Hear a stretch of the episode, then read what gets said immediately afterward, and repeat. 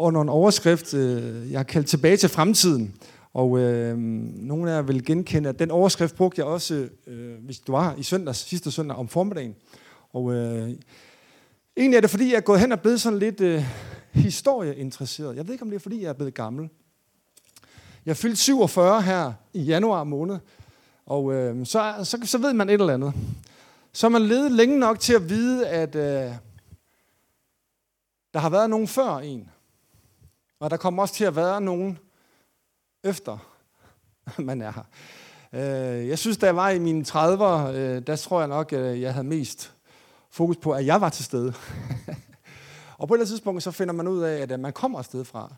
Øhm, og der kommer til, og man efterlader nogen. Jeg har fire børn, så et eller andet sted, så vil der også være noget den dag, jeg ikke er her længere. Jeg ved ikke, om det er derfor. Jeg har prøvet at filosofere meget over, eller om jeg bare simpelthen bare går hen og blevet godt gammeldags gammel. Jeg ved det ikke. Men øh, jeg, vil gerne, øh, jeg vil gerne sige noget om, om, om det her. Tilbage til fremtiden var egentlig sådan et forsøg på at, at sige, egentlig har Gud altid fastholdt sin plan for det enkelte menneske, for sin kirke, for sit land. Og nogle gange så har vi en tendens til at komme lidt væk fra det, som Gud egentlig har lagt ned i os. Øh, Salm, Salm 139 siger David, at allerede fra, mens jeg lå i min mors mave, der planlagde Gud alle mit livs dage, inden de endnu, endnu en af dem var kommet. Og nogle gange så mister vi syne af, hvem det egentlig er, vi er, og hvad det egentlig er, Gud har for os. Og så handler det faktisk nogle gange om at komme tilbage og finde ud af, hvad er det egentlig, Gud har lagt ind i vores liv, for at vi også kan komme videre fremad. Det tror jeg samme gælder faktisk kirker, bevægelser, nationer. Og, fordi Gud han er en Gud, der har en begyndelse. Er det sandt? Og så har han en evighed derude, og han, han, han virker i det der spændingsfelt mellem begyndelsen og så den der ende, der aldrig kommer. Evigheden. Og øh, i dag vil jeg gerne sige lidt om det med en underoverskrift, der hedder Historien, vi lever i. Og øh, der er en, der har sagt det sådan her. Øh, hvis man ikke... Skal lige se, om jeg kan få den her til at fungere. Det kan jeg godt. Er vi med deroppe, så skifter den. Ja. Øh, en har sagt sådan, at hvis man ikke kender fortiden, så forstår man ikke nutiden. Og man egner sig ikke til at forme fremtiden, altså hvis man ikke kender fortiden. Og øh, jeg skal lige ned til mine, øh, mine noter her. Nu er jeg i gang med den fra sidste uge. Vi skal lige til den næste her. Øh, det er ikke sådan, at jeg er begyndt at, sådan at gå op i fortiden i den forstand, at det historiske som sådan, øh, tænker jeg, at fortiden som sådan er vigtig. Faktisk siger øh, Esajas øh, et eller andet sted, jeg tror det er kapitel 42, det var et dåbsord, jeg fik det. Jeg blev døbt, da jeg var 19 år, så kan I se, der ud mange år det siden. Der står der, kom ikke fortiden i hu. Øh, se, jeg baner veje øh, midt i ørkenen, floder midt i ørkenen, jeg gør alting nyt. Men øh, så det er ikke så meget fordi, at fortiden i sig selv øh, måske øh, skal være noget, vi holder fast i. Men det har måske virkelig noget at gøre med, når vi taler om historie. Hvad er det for en større historie, vi lever i? Hvis ikke vi lever i en historie, der er, der er længere end det øjeblik, øh, vi er i nu, så, øh, så tror jeg, vi kommer til at, vi kommer til at, vi kommer til at miste noget. Øh, jeg har omformuleret det sådan her, det er så øh, Jakob Wiftrup, der siger det her. Øh, hvis man ikke ved, hvilken historie eller fortælling man er en del af, så er man overladt til øjeblikke. Er det ikke sandt? Og så bliver livet bare sådan en række snaps af, af øjeblikke her, når vi måler vores livskvalitet, vores trivsel, vores fred, ud fra det her øjeblik. Min gode ven og kollega Jeppe Møglik, han øh, underviste os på en lederforum i kirken i går øh, om ypperlighed, og talte faktisk om det her med, at vi lever i en tid, hvor, hvor, hvor, hvor nutid er meget kort. Ja, det er som om, at øh, det, det, det, det er næsten skrumpet ind til et meget kort øjeblik. Øhm, og hvis ikke vi lever i en større historie, og hvis ikke vi ved, hvad det er for en historie, vi lever i, så bliver vi reduceret til sådan nogle øjeblikke, og det kan faktisk være rigtig svært. Sociologer vil sige netop, at vi i dag i vores tid øh, er blevet rådløse, historieløse. Fordi vi på en eller anden måde har mistet forbindelsen til historien. Øh, hvis jeg havde været født for 100 år siden, øh, så havde jeg defineret mig selv lidt mere i forhold til mine forældre og mine forældres, hvad skal man sige, øh, måske værv. Måske havde jeg overtaget deres væv. Og i hvert fald øh, havde, havde jeg været helt anderledes forbundet til det, der gik forud øh, for, øh, for mig, og det, det er vi bare ikke på samme måde i dag. Vi lever i sådan en rigtig insta-mode i nuet, og vi, vi jager jo hele tiden det næste nu. Er det kan? Det næste øjeblik, hvor det giver mening at tage mobilen frem og for evigt det. Øh, nogle gange så skal Jeanette og jeg sådan slå hinanden over hænderne derhjemme. Hvis der opstår et eller andet øjeblik, så griber man ud af sin telefon for, for, for evigt. Er det ikke sandt? For her har vi et øjeblik, der er insta-værdigt, i stedet for bare at nyde det øjeblik. Så i stedet for, at det blev en del af en aften, så bliver det sådan et lille øjeblik, som på en eller anden måde skal stå ud. Og hvis, og hvis det er sådan, vi, vi i virkeligheden øh, mange gange agerer, så, så tror jeg, at vi nogle gange øh, får for meget fokus på vores egen verden, og vi ender med at tro, at verden egentlig drejer sig om os selv. Hvis vi er historieløse, eller mangler den store fortælling om, hvem vi er, hvem vi er som fællesskab, hvem vi er som kirke, hvem vi er som land, du kan blive ved, så, øhm, så bliver tingene, ting som i virkeligheden er meget små i vores liv, kan blive meget store, hvis det hele tiden skal måles op i et øjeblik, er det sandt. Så skal, vi, så skal nettoposen, eller hanken på nettoposen, bare lige knække med varerne på vej hjem, ikke? så falder ens verden sammen. Fordi det var ikke lige det, man havde. Men hvis man har lidt smule mere perspektiv, så, så kan det godt være, at, øh, at man kan klare den der tur hjem alligevel. Det skete for mig for nylig, det derfor. Øh. Men selvom Gud, jeg tror også Gud, han er en Gud for nuet. Amen. Jeg tror, når, når, når David griber et nu her, og formidler Guds fred, og så tror jeg meget på, at Gud han er i nuet. Øh, jeg tror meget på et Gud, som møder os ind i vores liv helt konkret. Men han er meget mere end et Gud for nuet. Er det sandt? Han er alfa, og han er omega. Han er begyndelsen, og han er enden, og han er alt det midt imellem. Og øh, faktisk øh, er, der en, er, der, er der en beskrivelse øh, af Gud, der, der, hvor, hvor, hvor man siger, at han er Abraham, Isaks og Jakobs Gud, de tre gamle patriarker. Det siger noget om, at han er mere end bare et, et nu. Han er mere end bare en Gud for mig. Han er, han er en Gud i generationer. Han er en Gud over tid. Han er Gud, som har et perspektiv, som er langt, langt, langt større end vores. Og da Abraham, den her trospatriark, øh, troens stamfar, siger vi nogle gange, da han, øh, han fik et løft om, at han skulle blive stamfar til et stort folk, og øh, 20-25 år inden i det, havde han stadigvæk ikke fået sin, sin søn. Og øh, Abraham, han forstod det jo selvfølgelig ikke helt. Øh, og en dag, så kalder Gud ham ud af det der telt. Jeg forestiller mig, det er sådan, Abraham og Sara har boet. Måske var det lidt mere tørt og goldt, øh, der hvor de var. Øh, men han kalder Abraham ud, Abraham ud af det der telt. Det der sted, han sad, som mindede ham om, at lige her i nuet, der var der ikke nogen løsning på hans dybeste længsel og hans løfte om, at han skulle få en søn og blive stamfar til et helt folk. Og nu når vi sidder i vores lille verden, vores lille telt, så kan vi godt få skruet historien helt ned til alt det, vi synes, vi mangler, alt det, vi synes, der ikke fungerer. Alle de der øh, ting, som vi på en eller anden måde havde håbet på, men så ikke bliver til noget. Og jeg elsker, at, at, at Gud kalder Abraham, eller Abraham ud, og siger, kig op, se på, prøv at tælle himlens stjerner, din efterkommende skal blive lige så talrige som dem. Og jeg tror nogle gange alt for ofte, jeg ved ikke med jer, men så prøver jeg at få Gud ind i mit telt. Ind i min lille verden. Så prøver jeg på at, ligesom at få ham ind i min, min, lille, min lille korte historie her. Og så vil jeg gerne forstå den her almægtige Gud siden i mit telt. Forklare Gud, hvad det er. Hvorfor det er, han ikke helt har styr på mit liv. Har du nogensinde prøvet at forklare Gud det? Uh, det er som om Gud, du, um, hører du ikke helt efter, når jeg siger sådan og sådan og sådan. Og der sidder vi inde i vores telt. Men i virkeligheden så er troens univers jo, at Gud vil have os ud af vores telt. Ud af vores egen lille historie, ud af vores egen lille verden, ud af vores egen lille insta nu. Og så vil han gerne fortælle os den store historie. Han vil gerne minde os om hans storhed. Og øh, han siger jo sådan her i Isaias også, jeg tænker ikke som I gør, jeg handler ikke som I gør. Der er himmelvid forskel på mine tanker og jeres, og på min handlemåde og jeres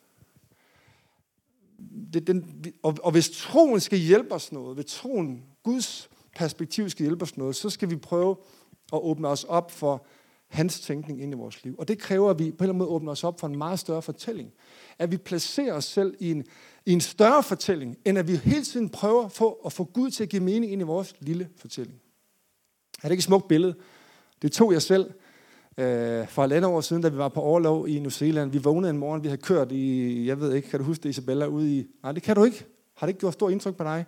Øhm, langt op i bjergene øh, på sydøen på New Zealand, og havde sovet en nat i, et, øh, i en lille hytte, og da vi vågnede, så vågnede vi med den der udsigt der. Jeg tænkte bare, det sagde en lille smule om Guds storhed. Han er, han har bare lige drysset de der kæmpe store bjerge øh, ud. Nok ikke i løbet af natten, men, men på et eller andet tidspunkt har han jo gjort det. Er I her? Jeg vil gerne lige øh, gennemgå en lille kort fortælling om, øh, om Isak, og så måske prøve at udfordre os en lille smule til at prøve at se os selv lidt ind i en større fortælling, end vi måske altid tænker over. Hvis du har din bibel med, så øh, vil jeg læse nogle vers, en hel del vers faktisk, fra 1. Mosebog, kapitel 23, og øh, fra vers 12 af. Men jeg skal nok putte det på deroppe også. Den, den starter sådan her, den her historie. Øhm.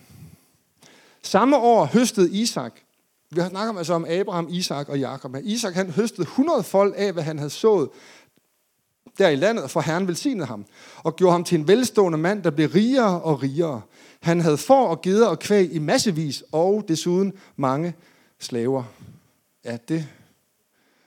Heldigvis står der tjenere længere nede. Det der slaver, det er vi ikke så glade for. Det, sådan var det desværre dengang. Øhm, det er jo en god historie. Det er jo sådan, vi alle sammen gerne vil forstå Gud, er det ikke sandt? At Gud, han er sådan en Gud, når vi sår, så høster vi 100 folk. Amen. Det passer lige ind i sådan en karismatisk apostolsk kirke som vores. Og Michael han sidder sådan her, og yes, bring it on. Øh, der er jo et eller andet, øh, der er et eller andet dybt i os mennesker, om at vi gerne vil lykkes. Og der er også et eller andet, hvis vi skal være ærlige, dybt i os om, at vi kunne godt tænke os, at Gud vil hjælpe os med det projekt. øh, og få os til at lykkes. Og, og, og det skal da siges højt og larmende for den, her Gud, for den her kirke og for den her talerstol, at Gud er en Gud, der vil sige det. Amen. Han vil gerne, altså det, det, det, det er sådan Gud han er. Øhm, han vil gerne os det bedste. Og øh, hvis måske de der gider og kvæg og slaver kunne veksles til noget lidt mere nutidigt, så stiller jeg mig gerne i Isaks sko. Det er lige mig, det der. Øhm, øh, yes. Og øh, desværre så, så, så, er det, så, er det ikke hele, så er det ikke hele historien. Øh, den ender ikke der, og den fortsætter sådan her. Det gjorde filistrene så misundelige, at de fyldte jord i alle hans brønde. De brønde, som hans far Abrahams slaver havde gravet. Kong Abimelech bad derfor Isak om at rejse væk. Har den med dig? Ja. Isak om at rejse væk. Tag et andet sted hen, sagde han, du er blevet os for rig og for stærk. Så rejste Isak væk derfra og slog sig ned i Geras dal. Så her sidder Isak på den grønne gren. Han har alt, hvad livet overhovedet kan tilbyde. Rigeligt. Og lige pludselig en dag, så er der nogen, der nærmest vil ham til livs. Altså at kaste sand i brøndene, det var jo hans livsnave. Det var det, hans stok, hans, hans folk, hans får, hans geder levede af. Og lige pludselig så, så, så smed de sand i dem og, og, og, og stoppede dem til. Fyldte jord i livsnaven på hans projekt. Jeg ved ikke, om du nogensinde har oplevet at være sådan et sted på den grønne gren. Har du nogensinde oplevet, har du har været i sådan en fase, hvor du tænker, det kører? Nej. Kører det aldrig? jeg kan sagtens genkende de der op, øjeblikke og sæsoner i livet, hvor jeg tænker, hold fast, du gør det. Jeg mener, tak Gud, at du gør det godt. det, og man tænker, nu, nu, nu kører det virkelig, nu er, der, nu, nu er der styr på det, vi har det godt, der er overskud på kontoen, der er ikke nogen, der er syge, og går godt på arbejdet. Og, og lige pludselig, uden at vi har planlagt det, så rammer livet. Er det ikke sandt? Det kan være på alle mulige former. Det kan være lige fra, at ens kone kommer hjem og siger, nu, nu venter vi nummer fire. det er jo en god historie, vil lige skynde mig at sige. Det, det var bare lige, ikke lige en del af den fortælling, jeg ligesom havde, havde forestillet mig. Eller, eller, eller måske nogen, på en eller anden måde, oplever vi, det kan være sygdom, det kan være, at vi mister vores arbejde. Det kan være, at der er nogle relationer, der lige pludselig knækker. Det kan være, at lige pludselig så er der bare et eller andet, der går i hårdknude i vores familie, eller et eller andet. Vi kender alle sammen de der oplevelser af, på en eller anden måde, så, så, så regner det bare lige pludselig tre måneder i streg. Ikke? Og stormer gør det rent faktisk også her i Danmark. Øhm, og sådan en bliver, bliver Isak ramt af. Jeg husker tydeligt på vores livs historie, jeg, nogle af jer vil vide det, men jeg har, tror ikke, jeg har fortalt det sådan helt detaljer, men Øh, min kone, hun, øh, Jeanette, hun, hvad er det nu, syv år siden begyndte hendes krop at blive meget mærkelig, synes hun selv i hvert fald. Jeg synes nu, at hun stadig er øh, flot og dejlig, men der blev sådan lidt mærkeligt. Der var føleforstyrrelser, og hun mistede balancen. Hun plejede at hvad sådan noget, at øh, tage med nogle veninder til sådan noget, en eller anden form for, det var sådan en form for box, boksning fitness, et eller andet, hvor man så skulle det, det handlede meget om balance, og det kunne hun simpelthen kun væltede bare. Når hun prøvede at lave det øvelse, så faldt hun omkuld. Og, øhm, og hun begyndte at gå til nogle undersøgelser, og øh, i min, altså, jeg levede bare videre fuldstændig som om, at historien var, var, var, var, var, var den, vi levede i. Og hun gik til undersøgelser i seks måneder. Og øh, da hun så var færdig, skulle hun have et resultat, og så spurgte hun, Jacob, vil du ikke tage med til, øh, jeg skal op til lægen, og så skal vi have et resultat af de der undersøgelser. Og jeg, jeg må ikke sige til nogen. Men øh, jeg sagde rent faktisk, altså behøver jeg det?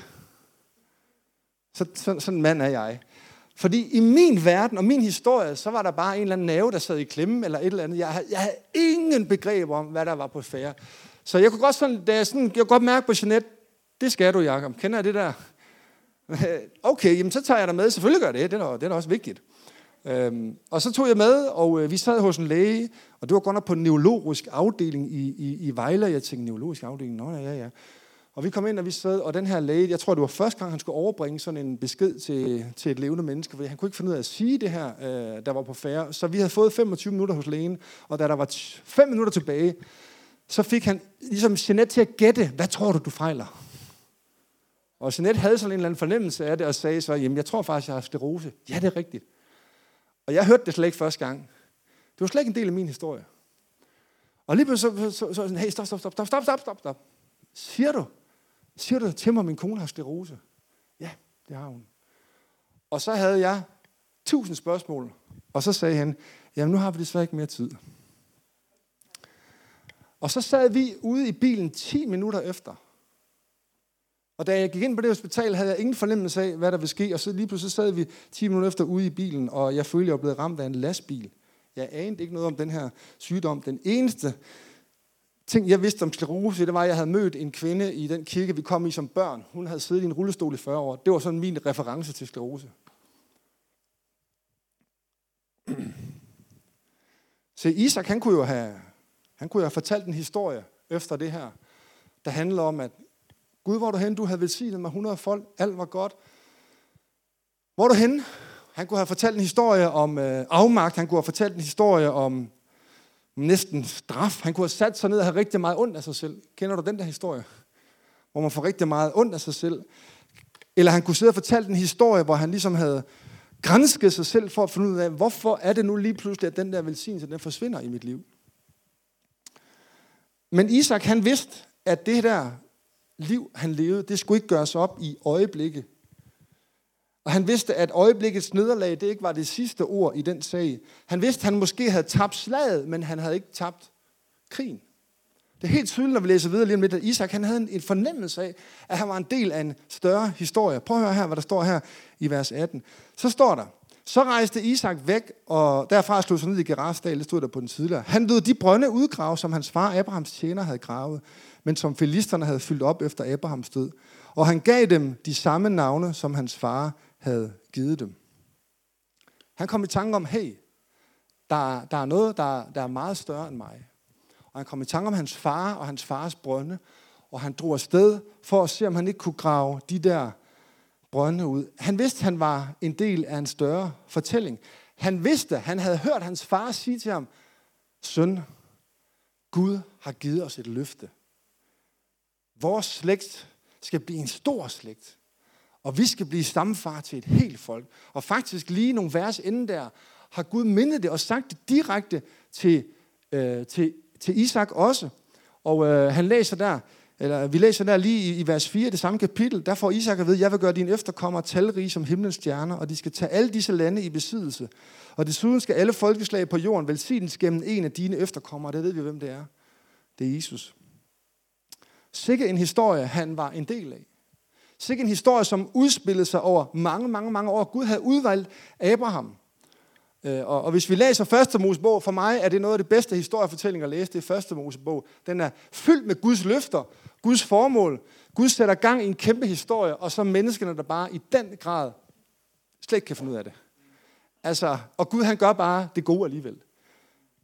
Abraham, han kan ikke finde ud af det der med at vente på sin søn, så til sidst så prøver han at gøre hans, øh, hans slave, eller trælkvinde, hans, øh, hans, hans hustrus træl eller øh, gravid, og, øh, og så får han en søn, og det var slet ikke det, der var Guds plan.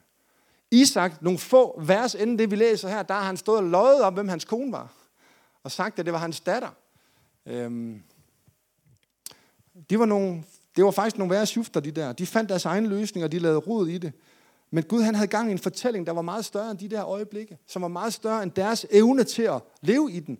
Som var meget større end deres evne til at opretholde den. Og Isaks far, han havde... Isak han vidste, at hans far havde gravet kilder ud, som var blevet dækket til, og så begynder han at grave. Kender du den store fortælling i dit liv?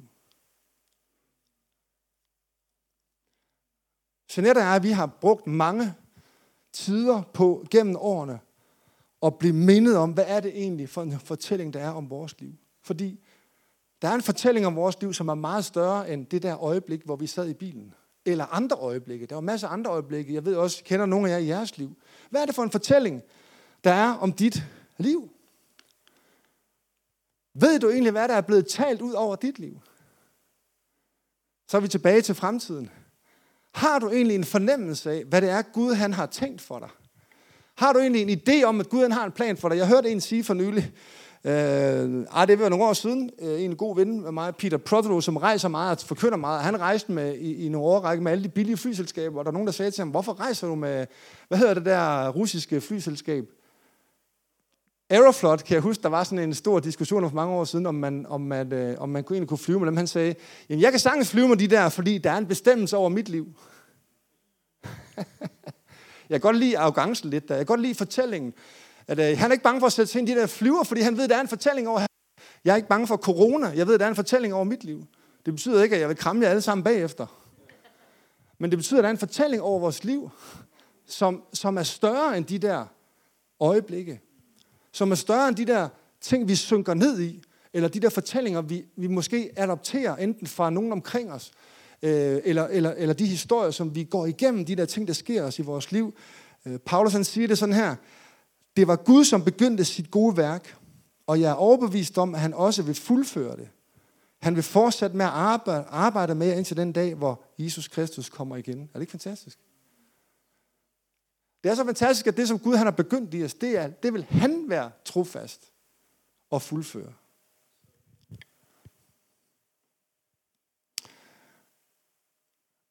Han har et plan for, for vores liv, fra, som, som han har lagt i os fra tidernes morgen. Den ændrer sig ikke. Jeg har nogle gange tænkt, Jacob, hvorfor skulle du være skatterevisor i 15 år? Jeg har brugt 15 år i skat. Prøv lige at tænke lidt over det. Jeg har, ikke, jeg har ikke gået den lige vej. Jeg har ikke altid vidst, hvad der var, Gud ville i mit liv, men alligevel har Gud haft en plan i mit liv. Og nu er jeg så gammel, at jeg kan kigge tilbage og se, at Gud han på en eller anden måde har ført mig. Selvom jeg har taget omveje og nogle gange har fundet mig selv i steder eller situationer eller sammenhæng, hvor jeg tænkte, hvad i verden skulle jeg der? Så har jeg set, at Gud han har holdt hånd om mit liv. Selv de dage, hvor jeg valgte dårlige løsninger og i den grad valgte andre løsninger fra, end jeg tror, Guds ord anbefaler os, så har jeg bare set i mit liv, at Gud han har haft hånd om mit liv. Hvordan han har båret Jeanette og jeg og vores børn og vores historie, fordi han har en historie, der er langt større end de der øjeblikke. David han siger sådan her i salme 23, Skulle jeg end vandre i dødskyggens dal, så har jeg intet at frygte, for du går ved min side. Din kæp og din stav beskytter mig. Du dækker bord for mig, for øjnene af mine fjender. Du gør mig til æresgæst. kommer Helligånden kende. Nu er det jazz.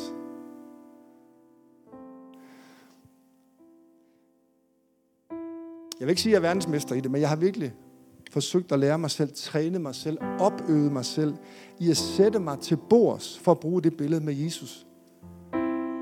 Når historien forandrer sig, og når fortællingen over mit liv lige pludselig bliver lille og bliver meget fokuseret på nuet, og på den smerte og på den kamp, som jeg nu måtte stå i til hver en tid.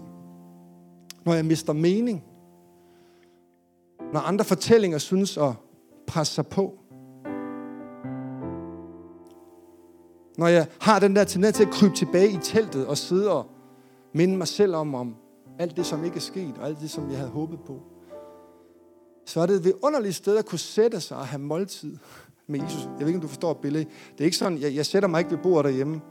Visuelt er jeg, er jeg trods alt ikke. Jeg sidder ikke der. Det er der nogen, der gør. Kan sidde med den tomme stol, og så, så forestiller man sig Jesus der. Det, det er der nogen, der kan.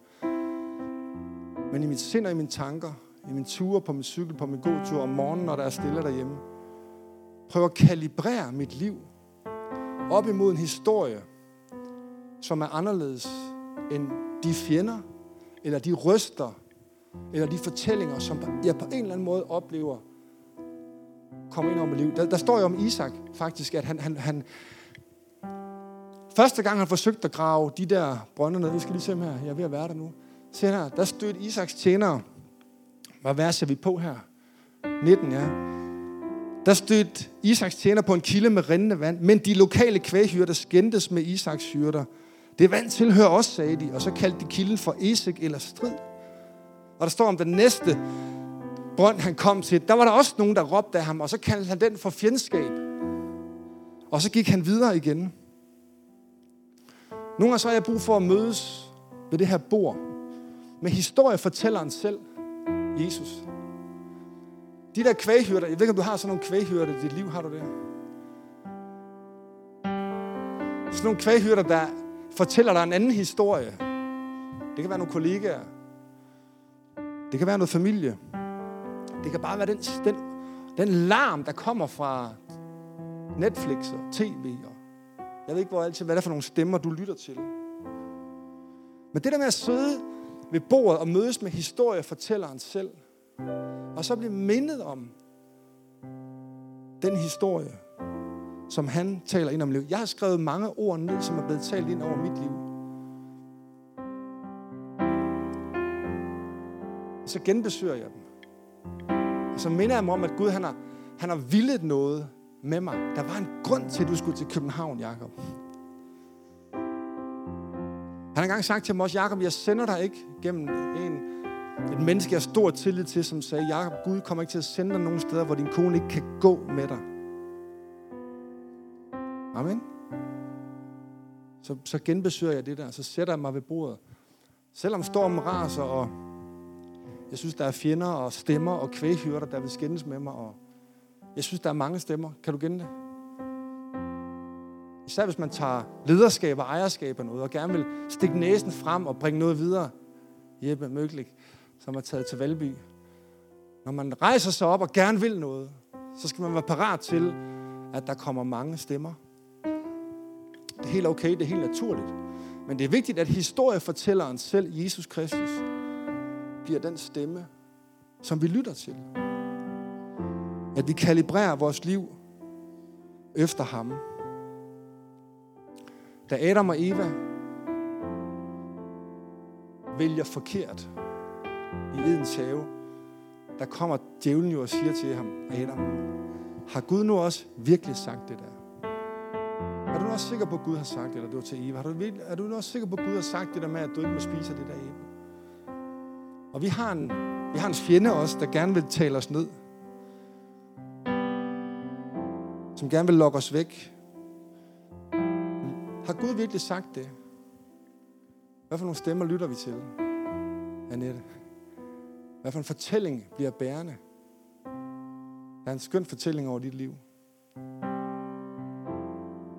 Jeg kender ikke dybden i din historie. Men jeg har en fornemmelse af,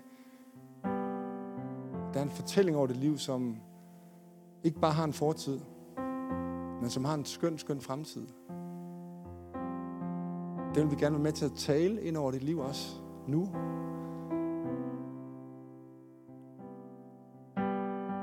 Jeg kender ikke jer alle sammen. Jeg godt have lyst til at bare... Jeg havde sådan, sådan lyst til, at vi bad for fred lige før her David op. Jeg havde sådan bare en fornemmelse af, Gud på en særlig måde vil bringe fred i et område. Jeg ved ikke, hvad. Du har sukket til længe.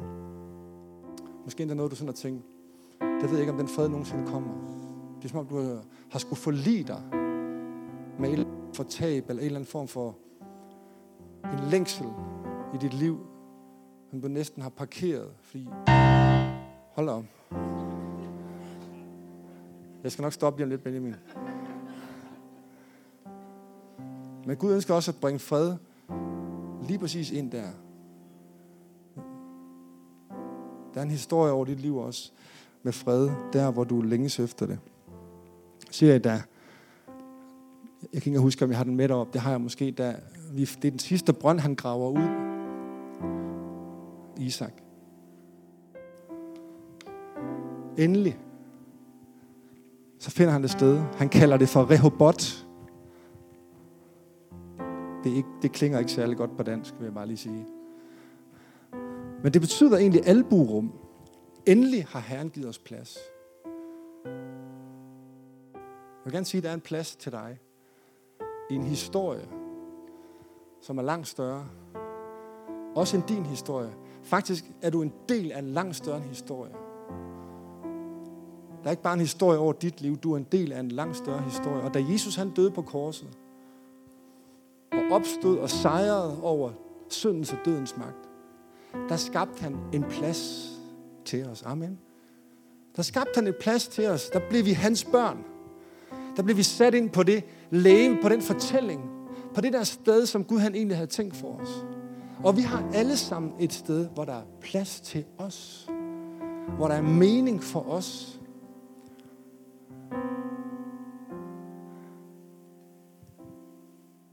Skal vi bede sammen? Min simple bøn her til afslutning er bare,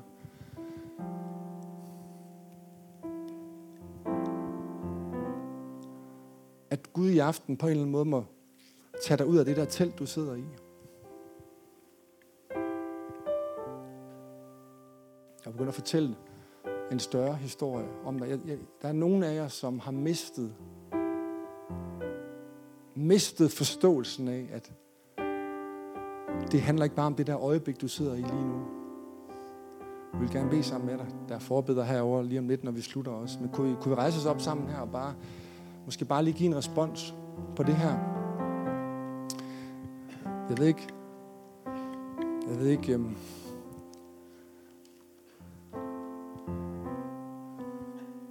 jeg har sådan lyst til at, jeg har sådan lyst til at tale ind i jeres allesammens liv, men det bliver alt for langt. Julie, du ved det godt. Du ved godt, der er en fortælling, som er langt større.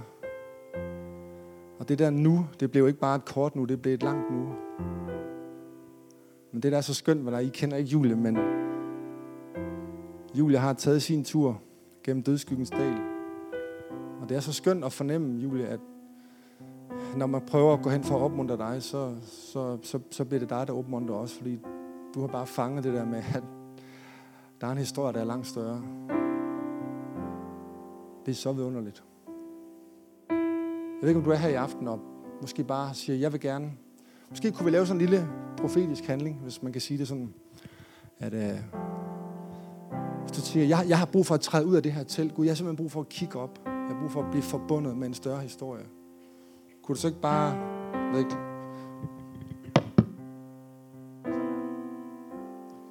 som sådan et udtryk for, at du åbner dig op, så vil jeg gerne bare bede om, at lige præcis den historie, du er i, det telt, du sidder i, at du må få lov at opleve, at Gud vil sin ånd trækker dig ud. Far, vi takker dig.